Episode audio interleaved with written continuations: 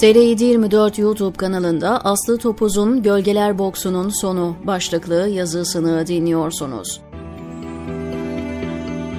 Kader en kötü kartlarla en iyi kartları birlikte açar. Pendulum solda ne kadar uzağa savruluyorsa sağda da o kadar uzağa açılır. Sapını ne kadar geriye çekersen taş o kadar ileri fırlar. Tıpkı yaşadığımız gün gibi.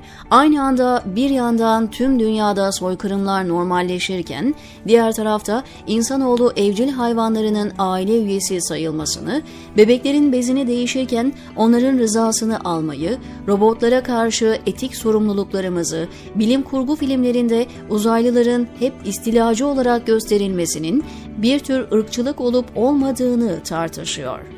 İyi ve kötünün birbirini uyarma, birbirinin sınırlarını zorlama yönü vardır. Kesifleştikten sonra birbirini dışlayan ama kendi kıvamlarına bulana kadar sınırları birlikte kolaçan etmesi gereken iki mahiyet. Kader en kötü kartlarla en iyileri birlikte açar.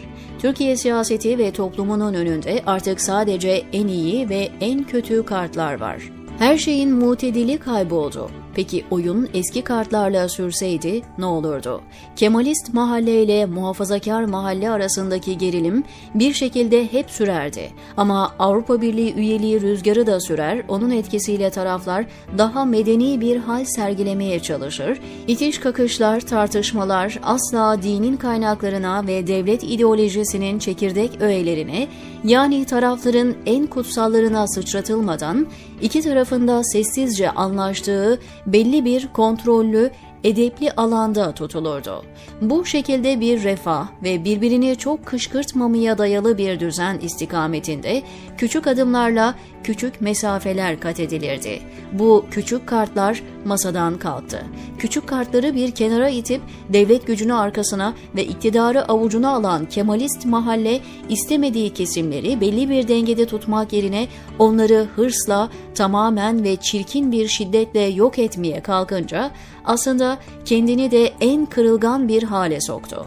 Tarihin bu bilinç noktasında gereksiz yere nefret beslediği bir zümreyi, tarihin en lanetlediği söylem ve yöntemlerle kırmaya kalkınca önce kendi apoletlerini düşürdü.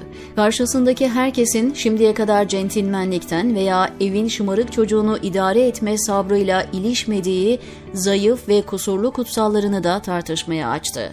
Kasaplık yapmaya kalkınca ilk önce kendi takım elbisesi üzerinden uçtu. Geçmişi hatırlıyorum ne kadar küçük isteklerimiz vardı. Başörtüyle çalışabilmek ve kısa günlerde namazı iş yerinde kılabilmek. Bu ikisi için her tür alttan almaya, uzlaşmaya razı sayısız insan. Bunların zaten insan hakkı olduğunun, çok daha fazlasını bile istemeye hakkı olduğunun farkında olmayan yüz binlerce uslu, uysal baş. Yetenekliyken iş yerinde kimseye batmamak için hep potansiyelini dizginleyen, hep hak ettiğinden azını almayı kanıksayan sayısız insan. Sonra bize bir soykırım hediye ettiler. Kavgada bile olacaksa karşılarına artık rakip olarak çıkma şansını ve geçmişte istediklerimizden daha fazlasını isteme gücünü bize elleriyle verdiler. Bize çirkinliklerini ve gerçekte ne olduklarını gözlerinin içine bakarak söyleme gücü ve özgürlüğünü verdiler. Bundan 10 yıl önce bir Kemaliste Nazi olduğunu söyleyemezdim. Ama şimdi cahil ve nazi olduklarını yüzlerine haykırabiliyorum.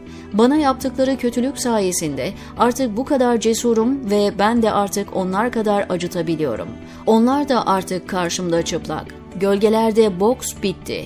Vururken, eleştirirken ürkek ölçülerim, yenilmiş rolü yapmalarım, sayı hediye etmelerim bitti.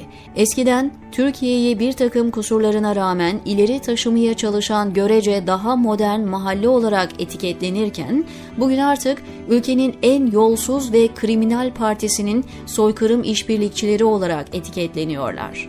Hırs, sebebi mahrumiyettir. Onurları paylaşmayıp tek başlarına gasp etmeye çalışınca ellerindeki küçük onurlardan da oldular. Soykırım gibi büyük kartları masaya sürdükleri için büyük kaybettiler. Nazi olarak anılmaya başladılar. Bugün Nazi olduklarını yüzlerine söyleyebiliyorsak kendi sayelerinde. Buradan sanki yaşanan kıyımı olumladığım zannedilmesin. Ama dediğim gibi kader çok kötü kartlar açmışsa denge için yanı başında hemen çok büyük kartlar da açıyor. Bu kadar çirkin bir dibe vuruştan sonra ülke Ergenekon gibi davalar tamamlanabilse ulaşabileceği faydalardan daha büyük faydalara gebe. Eğer o davalar tamamlanabilseydi belki belli sayıda suçlu cezalanabilecekti. Ama asla o suçluları doğuran ideolojinin kendisi bu kadar tartışmaya açılmayacak, sorgulamanın boyutu kişi ve olaylardan fikirler boyutuna genişleyemeyecekti. Orada kaçan fırsat şu an belli sayıda suçlunun cezasız kalması pahasına da olsa bütün bir epistemeyi silkeleme kartını elimize koydu. Kemalizmin kendisi de artık arenanın ortasına kalkansız, korumasız düşmüştü. Şimdi ülkenin önünde büyük bir epistemik kopuş, fikri isyan ve buhranlı bir nihilizmle birlikte daha tutkulu bir çoğulculuk, demokrasi ve insan hakları düzenini arayış şansı var. Gölge boksu bitti.